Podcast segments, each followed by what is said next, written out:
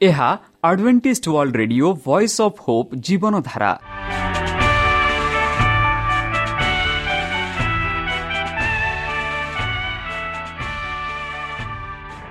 Odia radio କାର୍ଯ୍ୟକ୍ରମ ଯାହା ଆମର ଆନ୍ତର୍ଜାତୀୟ ଆଘାତ କେନ୍ଦ୍ରରୁ ପ୍ରସାରଣ କରାଯାଉଛି ପ୍ରତିଦିନ ରାତି ନଅଟା ତିରିଶ ମିନିଟ୍ରେ। ମୁଁ ସୁବ୍ରତ କୁମାର ପତି ପ୍ରେମର ସହ ଆପଣମାନଙ୍କୁ ଏହି କାର୍ଯ୍ୟକ୍ରମକୁ ସ୍ୱାଗତ କରୁଅଛି। ଚାଲନ୍ତୁ ଆଜିର ତିରିଶ ମିନିଟ୍ର କାର୍ଯ୍ୟକ୍ରମ ବିଷୟରେ ଜାଣିନେବା। ପ୍ରଥମେ ରଖିଛୁ ଆଧ୍ୟାତ୍ମିକ ଭକ୍ତିମୟ ଗୀତ। ଏହାପରେ ଶୁଣିବା ସ୍ୱାସ୍ଥ୍ୟ ବିଷୟରେ ଯାହା ଆମର ଦୈନିକ ଜୀବନରେ ଅତ୍ୟନ୍ତ ଜରୁରୀ। ଆଉ ପରିଶେଷରେ ଶୁଣିବା ପରମେଶ୍ୱରଙ୍କ ଭକ୍ତଙ୍କଠାରୁ ଜୀବନଦାୟକ ଈଶ୍ୱରଙ୍କ ବାକ୍ୟ। ପ୍ରିୟ ଶ୍ରୋତା ତାହେଲେ ଚାଲନ୍ତୁ ଶୁଣିବା ଏକ ଆଧ୍ୟାତ୍ମିକ ଭକ୍ତିମୟ ଗୀତ।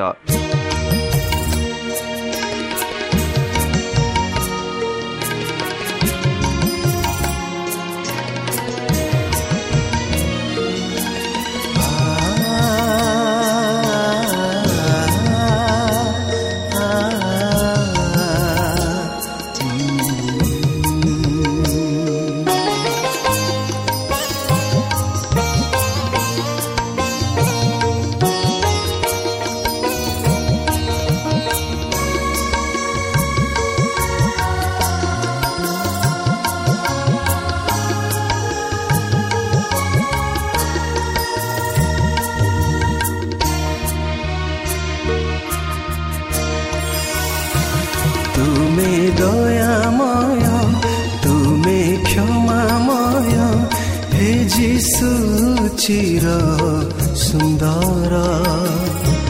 दे देह मन आत्मा प्राण मोर सदा गाई विगुण तुमरा।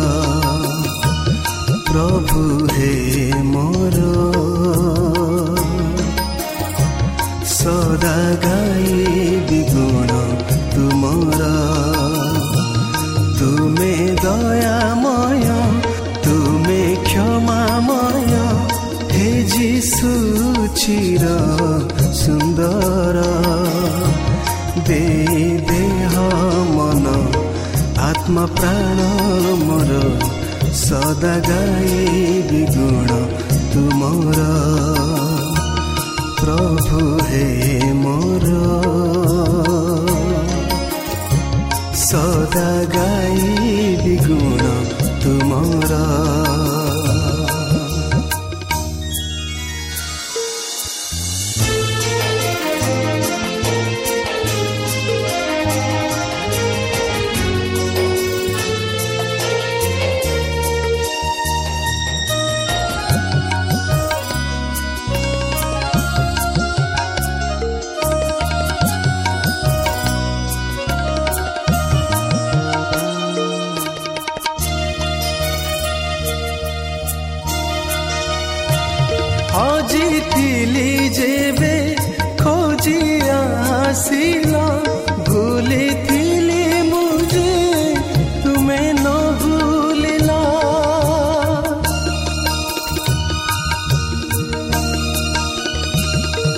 ହଜିଥିଲି ଯେବେ ଖୋଜି ଆସିଲ ଭୁଲିଥିଲି ମୁଁ ଯେ ତୁମେ ନ ଭୁଲିଲ ପଡ଼ିଥିଲି ପାପେ ତୁମେ ଉଧାରିଲ କୃଷେ ପ୍ରାଣ ଦେଇ ମତେ ବଞ୍ଚାଇଲ ନିଜ ପ୍ରେମ ଦେଇ କଲ ଆପଣାର ତୁମେ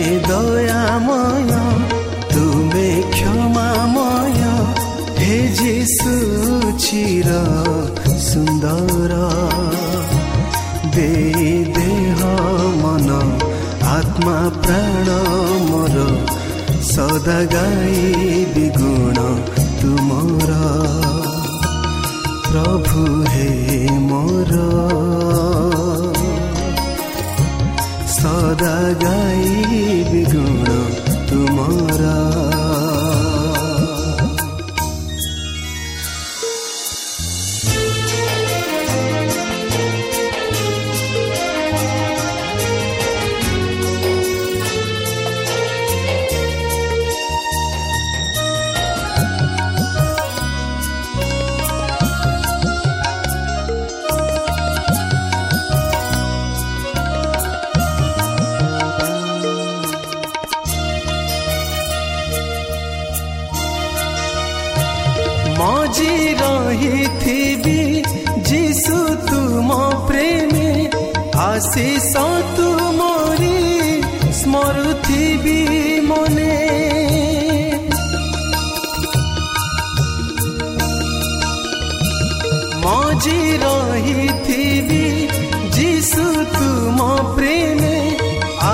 ଆଶିଷ ତୁମରି ସ୍ମରୁଥିବି ମନେ ରହିଥିବି ମୁଁ ଯେ ସଦା ତୁମ ସାଥେ। ଆବରି ରଖ ହେ ପ୍ରଭୁ ତୁମେ ମତେ ତୁମରି ସେବାରେ ଯାଉ ଦିନ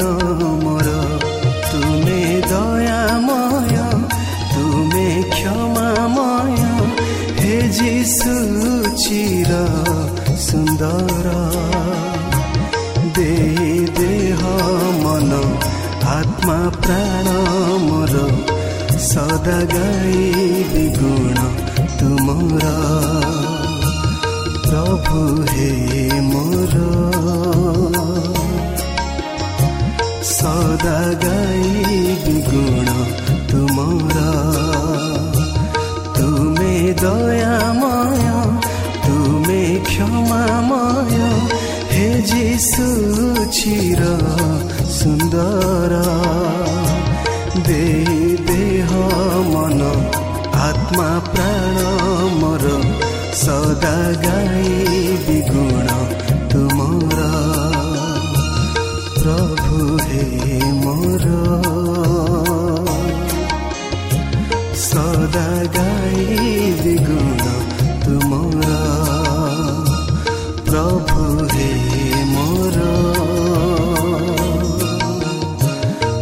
ସଦା ଗାଇ ଜିଗୁଣ ତୁମର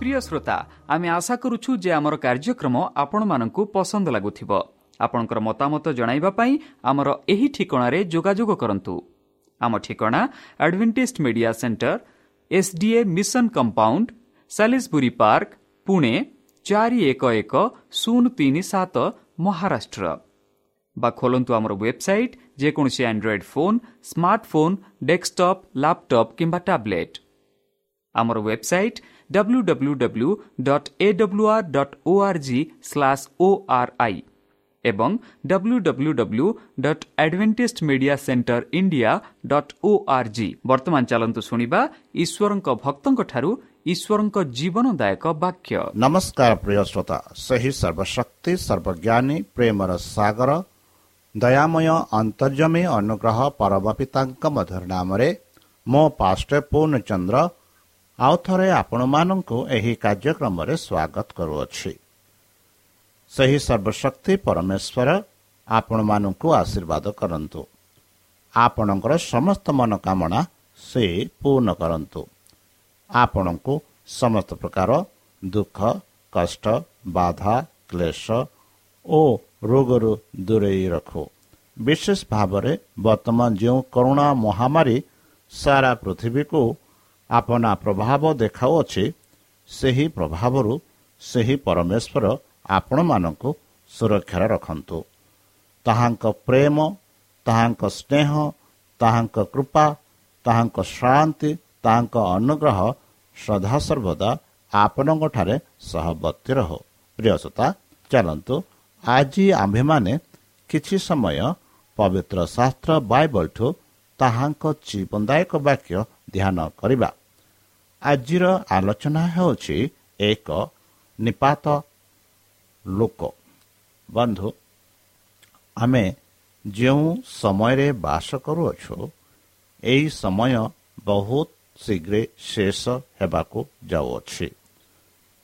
ଆଉ ଶେଷ ହେବା ପୂର୍ବରେ ଯଦି ଆମେ ସତ୍ୟ ବିଷୟରେ ନ ଜାଣିବା ପ୍ରଭୁ ଯୀଶୁଙ୍କୁ ଯଦି ନ ଗ୍ରହଣ କରିବା ମୁକ୍ତି ଲାଭ ନ କରିବା ତାହେଲେ ବଞ୍ଚିବାର ଲାଭ କିଛି ନୁହେଁ। ବନ୍ଧୁ ଯେପରି ଖ୍ରୀଷ୍ଟଙ୍କ ଚିରିସାଲମକୁ ବିଜୟ ରଥ ସ୍ୱର୍ଗର ବେଘରେ ଶକ୍ତି ଏବଂ ଗୌରବ ସହିତ ଆସିବାର ଅନ୍ଧକାରର ପ୍ରତୀକ ଥିଲା ସ୍ୱର୍ଗଦୂତମାନଙ୍କ ବିଜୟ ଏବଂ ସାଧୁମାନଙ୍କ ଆନନ୍ଦ ମଧ୍ୟରେ ଏହା ପରେ ଯାଜକ ଓ ଫାରୁସୀମାନଙ୍କ ଖ୍ରୀଷ୍ଟଙ୍କ ବାକ୍ୟ ପୂର୍ଣ୍ଣ ହେବ। ବର୍ତ୍ତମାନ ଠାରୁ ତୁମେ ମୋତେ ଦେଖିବ ନାହିଁ ଯେ ପର୍ଯ୍ୟନ୍ତ ଆପଣ କହିବେ ପ୍ରଭୁଙ୍କ ନାମରେ ଆସୁଥିବା ଲୋକ ଧନ୍ୟ ଏହିପରି ମାଥିଓ ତେଇଶ ଅଣତିରିଶରେ ଯୀଶୁ ଖ୍ରୀଷ୍ଟ କହିଲେ ବନ୍ଧୁ ଭବିଷ୍ୟତବାଣୀ ଦର୍ଶନରେ ଜିଖିରିୟଙ୍କୁ ଅନ୍ତିମ ବିଜୟର ଦିନ ଦେଖାଗଲା। ସେ ପ୍ରଥମ ଥର ଆସିବା ପରେ ଖ୍ରୀଷ୍ଟଙ୍କୁ ପ୍ରତ୍ୟାଖ୍ୟାନ କରିଥିବା ଲୋକମାନଙ୍କର ଦଣ୍ଡ ମଧ୍ୟ ଦେଖିଥିଲେ। ସେମାନେ ଯାହାଙ୍କୁ ବିଧ କରିଛନ୍ତି ସେମାନେ ତାହା ଦେଖିବେ ଏବଂ ସେମାନେ ତାଙ୍କ ପାଇଁ ଶୋକ କରିବେ। ଯେପରି ଜଣେ ତାଙ୍କର ଏକମାତ୍ର ପୁତ୍ର ପାଇଁ ଶୋକ କରିବେ ଏବଂ ତାଙ୍କ ପାଇଁ ତିକ୍ତ ହେବେ ଯେହେତୁ ତାଙ୍କର ପ୍ରଥମଜାତ ସନ୍ତାନ ପାଇଁ ତିକ୍ତାକ୍ତ ଅଛି। ଏହିପରି ଜିଖିରିୟ ବାର ଦଶରେ କୁହେ ଏହି ଦୃଶ୍ୟ ଖ୍ରୀଷ୍ଟ ଭବିଷ୍ୟତବାଣୀ କରିଥିଲେ। ଯେତେବେଳେ ସେ ସହରକୁ ଦେଖି କାନ୍ଦୁଥିଲେ। ବନ୍ଧୁ ବନ୍ଧୁ ଶିଷ୍ୟମାନେ ଜୁହୁଦୀମାନଙ୍କର ଖ୍ରୀଷ୍ଟଙ୍କ ପ୍ରତି ଘୃଣା ଦେଖିଲେ କିନ୍ତୁ ସେମାନେ ତାହା ଦେଖିପାରିଲେ ନାହିଁ ସେମାନେ ଏପର୍ଯ୍ୟନ୍ତ ଇସ୍ରାଏଲର ପ୍ରକୃତ ଅବସ୍ଥା ବୁଝିପାରିଲେ ନାହିଁ କିମ୍ବା ଜେରୁସାଲାମ ଉପରେ ହେବାକୁ ଥିବା ଦଣ୍ଡକୁ ମଧ୍ୟ ବୁଝିପାରିଲେ ନାହିଁ। ଏହି ଖ୍ରୀଷ୍ଟ ସେମାନଙ୍କ ପାଇଁ ଏକ ଗୁରୁତ୍ୱପୂର୍ଣ୍ଣ ସ୍ୱସ୍ଥ ବସ୍ତୁ ଶିକ୍ଷା ଦ୍ୱାରା ଖୋଲିଥିଲେ। ଜେରୁସାଲାମକୁ ଶେଷ ଆବେଦନକୁ ବୃଥା ଥିଲା। ପୁରୋହିତ ଓ ଶାସକମାନେ ଅତିଥିର ଭବିଷ୍ୟତବାଣୀ ସ୍ୱର ଶୁଣିଥିଲେ। ଏହା କିଏ? ପ୍ରଶ୍ନର ଉତ୍ତରରେ କିନ୍ତୁ ସେମାନେ ଏହାକୁ ପ୍ରେରଣା ସ୍ୱର ଭାବରେ ଗ୍ରହଣ କଲେ ନାହିଁ। କ୍ରୋଧ ଏବଂ ଆଚର୍ଯ୍ୟରେ ସେମାନେ ଲୋକମାନଙ୍କୁ ନିରବ କରିବାକୁ ଚେଷ୍ଟା କରିଥିଲେ। ସେଠାରେ ରୋମନ ଅଧିକାରୀମାନେ ଥିଲେ ଏବଂ ସେମାନଙ୍କୁ ଶତ୍ରୁମାନେ ଯୀଶୁଙ୍କୁ ଏକ ବିଦ୍ରୋହର ନେତା ବୋଲି ନିନ୍ଦା କରିବାକୁ ଚେଷ୍ଟା କରିଥିଲେ। ସେମାନେ ପ୍ରତିନିଧିତ୍ୱ କଲେ ଯେ ସେ ମନ୍ଦିର ଅଧିକାରର କରିବାକୁ ଯାଉଛନ୍ତି ଏବଂ ଜେରୁସାଲାମରେ ରାଜା ଭାବରେ ରାଜତ୍ୱ କରିବାକୁ ଯାଉଛନ୍ତି ଏହିପରି ସେମାନେ ପ୍ରତିନିଧିତ୍ୱ କରିଥିଲେ। କିନ୍ତୁ ଯୀଶୁଙ୍କ ଶାନ୍ତ ସ୍ୱର ଏକ କ୍ଷଣ ପାଇଁ ଚିତ୍କାର କଲା ଯେପରି ସେ ପୁନର୍ବାର ଘୋଷଣା କଲେ ଯେ ସେ ଏକ ସାମାୟିକ ନିୟମ ପ୍ରତିଷ୍ଠା କରିବାକୁ ଆସିନାହାନ୍ତି। ସେ ଶୀଘ୍ର ତାଙ୍କ ପିତାଙ୍କ ନିକଟକୁ ଯିବା ଉଚିତ ଏବଂ ତାଙ୍କ ଅଭିଯୋଗନକାରୀମାନେ ତାଙ୍କୁ ଆଉ ଦେଖିବେ ନାହିଁ ଯେପର୍ଯ୍ୟନ୍ତ ସେ ପୁନର୍ବାର ଗୌରବରେ ଆସିବେ। ତାପରେ ସେମାନଙ୍କର ପରିତ୍ରାଣ ପାଇଁ ବହୁତ ବିଳମ୍ବ ହେବ। ସେମାନେ ତାଙ୍କୁ ସ୍ୱୀକାର କରିବେ। ଏହି ବାକ୍ୟ ଗୁଡ଼ିକ ଯୀଶୁ ଦୁଃଖ ଏବଂ ଏକକ ଶକ୍ତି ସହିତ କହିଥିଲେ। ରୋମାନ ଅଧିକାରୀମାନେ ନିରବ ରହିଲେ। ସେମାନଙ୍କର ହୃଦୟ ଯଦିଓ ଈଶ୍ୱରୀୟ ପ୍ରଭାବରେ ଅପରିଚିତ ସେମାନେ ଆଗରୁ କେବେ ବି ଘୁଞ୍ଚି ନଥିଲେ। ଯୀଶୁଙ୍କ ଶାନ୍ତ ଏକାନ୍ତ ଚେହେରାରେ ସେମାନେ ପ୍ରେମ ଦୟା ଏବଂ ଶାନ୍ତ ସମ୍ମାନ ପଡ଼ନ୍ତି। ସେମାନେ ବୁଝିପାରୁନଥିଲା ଥିଲେ ବା ନଥିବା ସହାନୁଭୂତି ଦ୍ୱାରା ଉତ୍ତେଜିତ ହୋଇଥିଲେ। ଯୀଶୁଙ୍କୁ ଗିରଫ କରିବା ପରିବର୍ତ୍ତେ ସେମାନେ ତାଙ୍କୁ ଶ୍ରଦ୍ଧାଞ୍ଜଳି ଦେବାକୁ ଅଧିକ ଇଚ୍ଛୁକ ଥିଲେ। ଯାଜକ ଓ ଶାସକମାନଙ୍କ ଆଡ଼କୁ ବୁଲି ସେମାନେ ବିଶୃଙ୍ଖଳା ସୃଷ୍ଟି କଲେ। ଏହି ନେତାମାନେ ଏହି ସମୟରେ ଯୀଶୁ ଅଜ୍ଞାତ ହୋଇ ମନ୍ଦିରକୁ ଗଲେ। ସେଠାରେ ସମସ୍ତେ ଶାନ୍ତ ଥିଲେ। କାରଣ ଅଲିଭେଟ୍ ଉପରେ ଥିବା ଦୃଶ୍ୟ ଲୋକମାନଙ୍କୁ ଡାକିଥିଲା। ଯୀଶୁ ଅଳ୍ପ ସମୟ ପାଇଁ ମନ୍ଦିରରେ ରହି ଦୁଃଖୀ ଆଖିରେ ଚାହିଁ ରହିଲେ। ତାପରେ ସେ ନିଜ ଶିଷ୍ୟମାନଙ୍କ ସହିତ ଯାଇ ବେଥନିଆକୁ ଫେରିଗଲେ। ଯେତେବେଳେ ଲୋକମାନେ ତାହାଙ୍କୁ ସିଂହାସନରେ ବସାଇବାକୁ ଚାହିଁଲେ ସେତେବେଳେ ସେ ପାଇଲେ ନାହିଁ। ଯୀଶୁ ରାତିସାରା ପ୍ରାର୍ଥନା କଲେ। ଓ ସକାଳେ ସେ ପୁଣି ମନ୍ଦିରକୁ ଆସିଲେ। ବାଟରେ ସେ ଏକ ଡିମ୍ବରି ବଗିଚା ଅତିକ୍ରମ କଲେ। ସେ ଭୋକିଲା ଥିଲେ ଏବଂ ଦୂରରୁ ଏକ ଡିମ୍ବିରି ଗଛ ଦେଖି ପତ୍ର ଆସିଲେ ସେ ଆସିଲେ ଯଦି ସେ ସେଥିରୁ କିଛି ପାଇପାରନ୍ତି ଏବଂ ଯେତେବେଳେ ସେ ଏହା ନିକଟକୁ ଆସିଲେ ସେ ପତ୍ର ଛଡ଼ା ଆଉ କିଛି ପାଇଲେ ନାହିଁ। ଡିମୁରି ସମୟ ଏପର୍ଯ୍ୟନ୍ତ ହୋଇନଥିଲା। କିଛି ନିର୍ଦ୍ଦିଷ୍ଟ ସ୍ଥାନ ବ୍ୟତୀତ ପାଚିଲା ଡିମୁରି ପାଇଁ ଏହା ତ ନୁହେଁ ଏବଂ ଜେରୁସାଲାମର ଉଚ୍ଚ ଭୂମିରେ ଏହା ପ୍ରକୃତରେ କୁହାଯାଇପାରେ। ଡିମିରି ସମୟ ଏପର୍ଯ୍ୟନ୍ତ ହୋଇନଥିଲା କିନ୍ତୁ ଯେଉଁ ବଗିଚାରେ ଯୀଶୁ ଆସୁଥିଲେ ଗୋଟିଏ ଗଛ ଅନ୍ୟ ସମସ୍ତଙ୍କ ଆଗରେ ଥିବା ପରି ଦେଖାଗଲା। ଏହା ପୂର୍ବରୁ ପତ୍ରରେ ଆଚ୍ଛାଦିତ ହୋଇଥିଲା। ଡିମିରି ଗଛର ପ୍ରକୃତି ହେଉଛି ପତ୍ର ଖୋଲିବା ପୂର୍ବରୁ ବଢ଼ୁଥିବା ଫଳ ଦେଖାଯାଏ। ତେଣୁ ପୂର୍ଣ୍ଣ ପତ୍ରରେ ଥିବା ଏହି ଗଛ ଭଲ ବିକଶିତ ଫଳରେ ପ୍ରତିଷ୍ଠିତ ହେଲା। କିନ୍ତୁ ଏହାର ରୂପ ପ୍ରତାନକାରୀ ଥିଲା। ଏହାର ଶାଖା ଗୁଡ଼ିକ ହଜିବା ପରେ ସର୍ବନିମ୍ନ ଡାଲକୁ ଉପର ଡାକ ପର୍ଯ୍ୟନ୍ତ ଯୀଶୁ ପତ୍ର ଛଡ଼ା ଆଉ କିଛି ପାଇଲେ ନାହିଁ। ଏହା ଏକ ସୁନ୍ଦର ସୁନ୍ଦର ପତ୍ର ଥିଲା ଆଉ କିଛି ନୁହେଁ। ପୃଷ୍ଠ ଏହା ବିରୁଦ୍ଧରେ ଶୁଖିଲା ଅଭିଶାପ ଦେଇଥିଲେ। ସେ କହିଲେ ପରବର୍ତ୍ତୀ ସମୟରେ କୌଣସି ଲୋକ ତୁମର ଫଳ ଖାଇବ ନାହିଁ। ପରଦିନ ସକାଳେ ତ୍ରାଣକର୍ତ୍ତା ଏବଂ ତାଙ୍କ ଶିଷ୍ୟମାନେ ପୁନର୍ବାର ସହରକୁ ଯିବା ବେଳେ ବିସ୍ଫୋରଣ ହୋଇଥିବା ଶାଖା ଏବଂ ପତ୍ର ସେମାନଙ୍କ ଦୃଷ୍ଟି ଆକର୍ଷଣ କଲା। ପିତର କହିଲା ଗୁରୁ ତୁମେ ଅଭିଶାପ ଦେଇଥିବା ଡିମୁରି ଗଛ ଶୁଖିଯାଇଛି ଡିମିରି ଗଛକୁ ଅଭିଶାପ ଦେବାର କୃଷ୍ଣଙ୍କ କାର୍ଯ୍ୟ ଶିଷ୍ୟମାନଙ୍କୁ ଆଚର୍ଯ୍ୟ କରିଥିଲା। ତାଙ୍କର ମାର୍ଗ ଏବଂ କାର୍ଯ୍ୟ ଏପରି ଏହା ସେମାନଙ୍କୁ ଲାଗୁଥିଲା।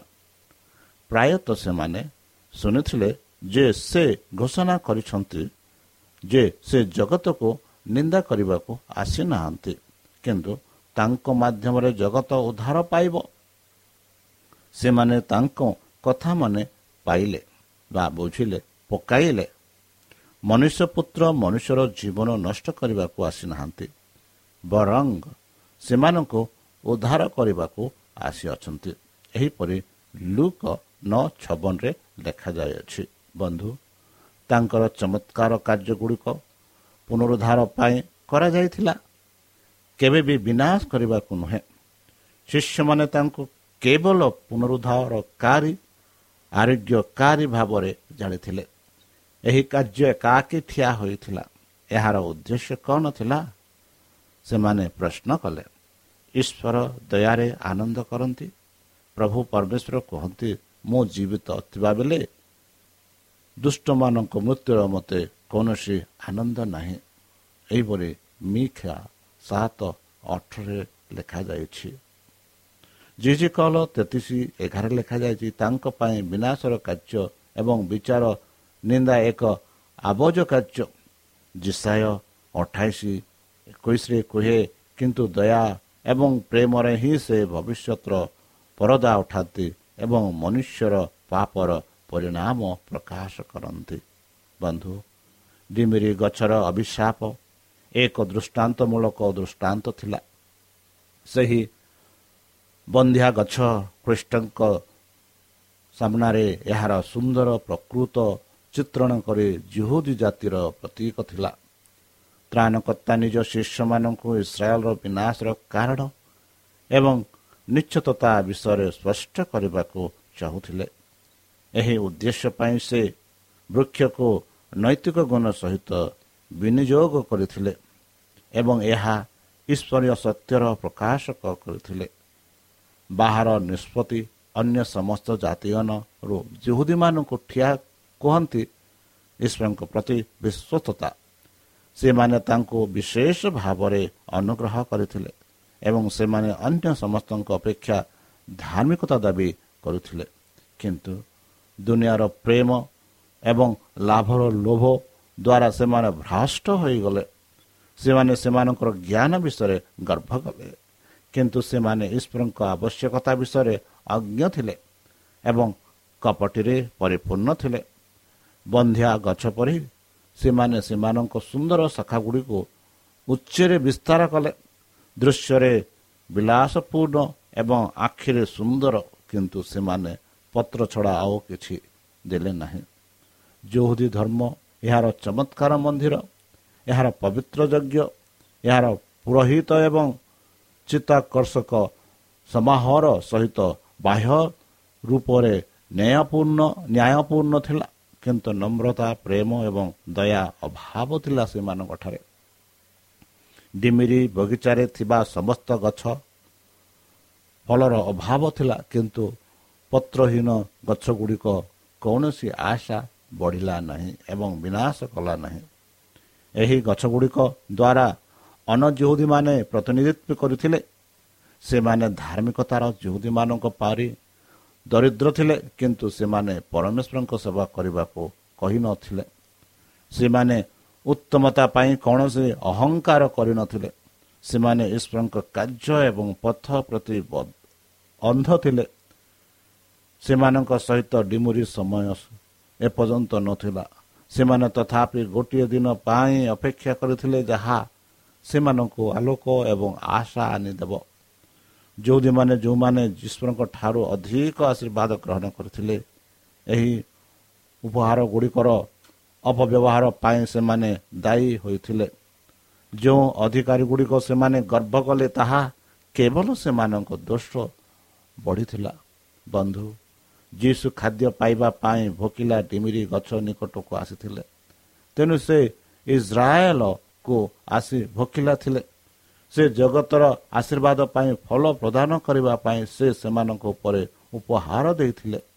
ପ୍ରତ୍ୟେକ ସୁଯୋଗ ଏବଂ ଅଧିକାର ସେମାନଙ୍କୁ ଦିଆଯାଇଥିଲା ଏବଂ ଏହାର ପ୍ରତିବଦଳରେ ସେ ତାଙ୍କର ଅନୁଗ୍ରହ କାର୍ଯ୍ୟରେ ସେମାନେ ସହାନୁଭୂତି ଏବଂ ସହଯୋଗ ଲୋଡ଼ିଥିଲେ। ସେ ସେମାନଙ୍କ ମଧ୍ୟରେ ଆତ୍ମବଳିଦାନ ଏବଂ କରୁଣା ଈଶ୍ୱରଙ୍କ ପ୍ରତି ଉତ୍ସାହ ଏବଂ ସେମାନଙ୍କ ସାଥୀମାନଙ୍କ ପରିତ୍ରାଣ ପାଇଁ ପ୍ରାଣର ଏକ ଗଭୀର ଇଚ୍ଛା ଦେଖିବାକୁ ଇଚ୍ଛା କଲେ।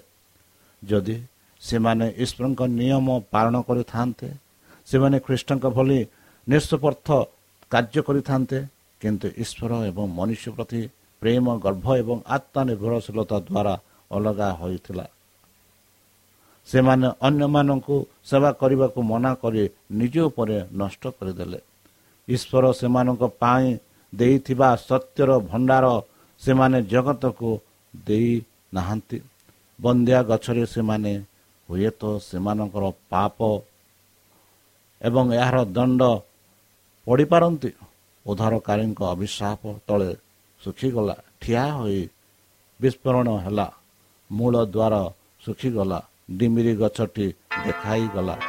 ଯେ ଯେତେବେଳେ ଈଶ୍ୱରଙ୍କ କୃପା ସେମାନଙ୍କ ଠାରୁ ହଟାଗଲା ସେତେବେଳେ ଜିହୁଦୀ ଲୋକମାନେ କ'ଣ ହେବେ ଆଶୀର୍ବାଦ ଦେବାକୁ ମନା କରିଦେଲେ ସେମାନେ ଆଉ ତାହା ଗ୍ରହଣ କରିବେ ନାହିଁ ପ୍ରଭୁ କୁହନ୍ତି ହେ ଇସ୍ରାଏଲ ତୁମେ ନିଜକୁ ବିନାଶ କରୁଛ ହଁ ବନ୍ଧୁ ବର୍ତ୍ତମାନ ଯେଉଁ ସମୟରେ ଆମେ ବାସ କରୁଛୁ ଏହି ସମୟରେ ପ୍ରଭୁଙ୍କ ବାକ୍ୟ ଆମମାନଙ୍କୁ ଆସୁଅଛି ହେଲେ ହିଁ ସେହି ପ୍ରଭୁଙ୍କ ବାକ୍ୟ ମାନେ ଶୁଣିବା ପାଇଁ ଇଚ୍ଛା କରୁନାହୁଁ ତାହା ମାନେ ଆମେ ବିନାଶ ପଥରେ ଚାଲୁଅଛୁ। ତାହେଲେ ଚାଲନ୍ତୁ ଏହା ହିଁ ସମୟ। ନିଜକୁ ସମର୍ପଣ କରି ତାହାଙ୍କଠାରେ ଆମେ ନିଜ ଜୀବନକୁ ଉତ୍ସର୍ଗ କରି ତାହାଙ୍କଠାରେ ଆମେ ପ୍ରାର୍ଥନା କରିବା। ହେ ଆମ୍ଭମାନଙ୍କ ସର୍ବଶକ୍ତି ସର୍ବଜ୍ଞାନୀ ପ୍ରେମର ସାଗର ଦୟାମୟ ଅନ୍ତର୍ଜମୀ ଅନୁଗ୍ରହ ପିତା ଧନ୍ୟବାଦ ଅର୍ପଣ କରୁଛୁ ପ୍ରଭୁ। ବର୍ତ୍ତମାନ ଯେଉଁ ବାକ୍ୟ ତୁମ ସେହି ଭକ୍ତଙ୍କ ଦ୍ୱାରା ଶୁଣାଇଲେ ସେହି ବାକ୍ୟ ଅନୁସାରେ ଆମମାନଙ୍କୁ ଚାଲିବା ପାଇଁ ବୁଦ୍ଧିରେ ଜ୍ଞାନରେ ପରିପୂର୍ଣ୍ଣ କର। ଆମ ପାପ ସବୁ ତୁମ ସେହି ବହୁମୂଲ୍ୟ ରକ୍ତରେ ପରିଷ୍କାର କରି ଧରିଦିଅ ଆଉ ପରିଶେଷ ଯେବେ ତୁମେ ତୁମ ସେହି ସହସ୍ରଦୂତଙ୍କ ସହ ଆପଣା ସାଧୁମାନଙ୍କୁ ସଂଗ୍ରହ କରିବା ନିମନ୍ତେ ଆସିବେ ସେତେବେଳେ ଆମମାନଙ୍କୁ ଏକ ବାସସ୍ଥାନ ଦିଅ ବୋଲି ତ୍ରାଣକର୍ତ୍ତା ପ୍ରଭୁ ଯୀଶୁଙ୍କ ମଧୁରମୟ ନାମରେ ଏହି ଛୋଟ ବିକ୍ଷମ ଅଛି ଗ୍ରହଣ କର। ଆମେନ୍।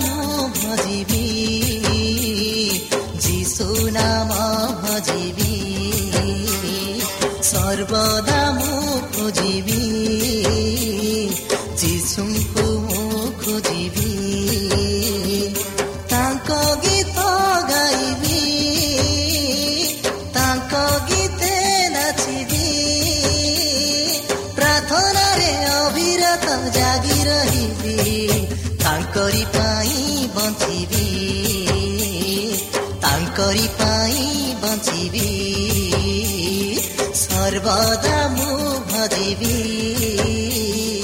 ଯୀଶୁ ନାମ ଭଜିବି ସର୍ବଦା ମୁଁ ଖୋଜିବି ଯୀଶୁଙ୍କୁ ମୁଁ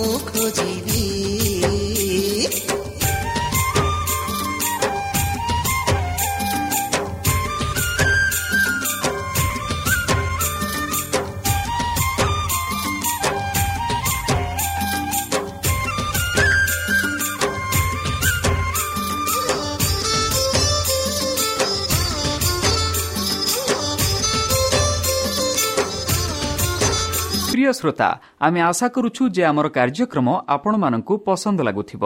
ଆପଣଙ୍କର ମତାମତ ଜଣାଇବା ପାଇଁ ଆମର ଏହି ଠିକଣାରେ ଯୋଗାଯୋଗ କରନ୍ତୁ। ଆମ ଠିକଣା advantage media center SDA mission compound Salisbury park Pune ଚାରି ଏକ ଏକ ଶୂନ ତିନି ସାତ ମହାରାଷ୍ଟ୍ର। ବା ଖୋଲନ୍ତୁ ଆମର ୱେବ୍ସାଇଟ୍ ଯେକୌଣସି android phone smartphone desktop laptop କିମ୍ବା ଟ୍ୟାବ୍ଲେଟ୍। ଆମର website W W W dot A W R dot O R G slash O R I ଏବଂ W W W dot advantage media center India dot O R G advantage media center ଇଣ୍ଡିଆର spelling ହେଉଛି A D V E N T I S T M E D I A C E N T R E I N D I A ଅଥବା download କରନ୍ତୁ ଆମର mobile app आपणकर mobile play store को जातु आउ type करतु the voice of hope आउ download करन्तु ईश्वर आपण को आशीर्वाद करतु धन्यवाद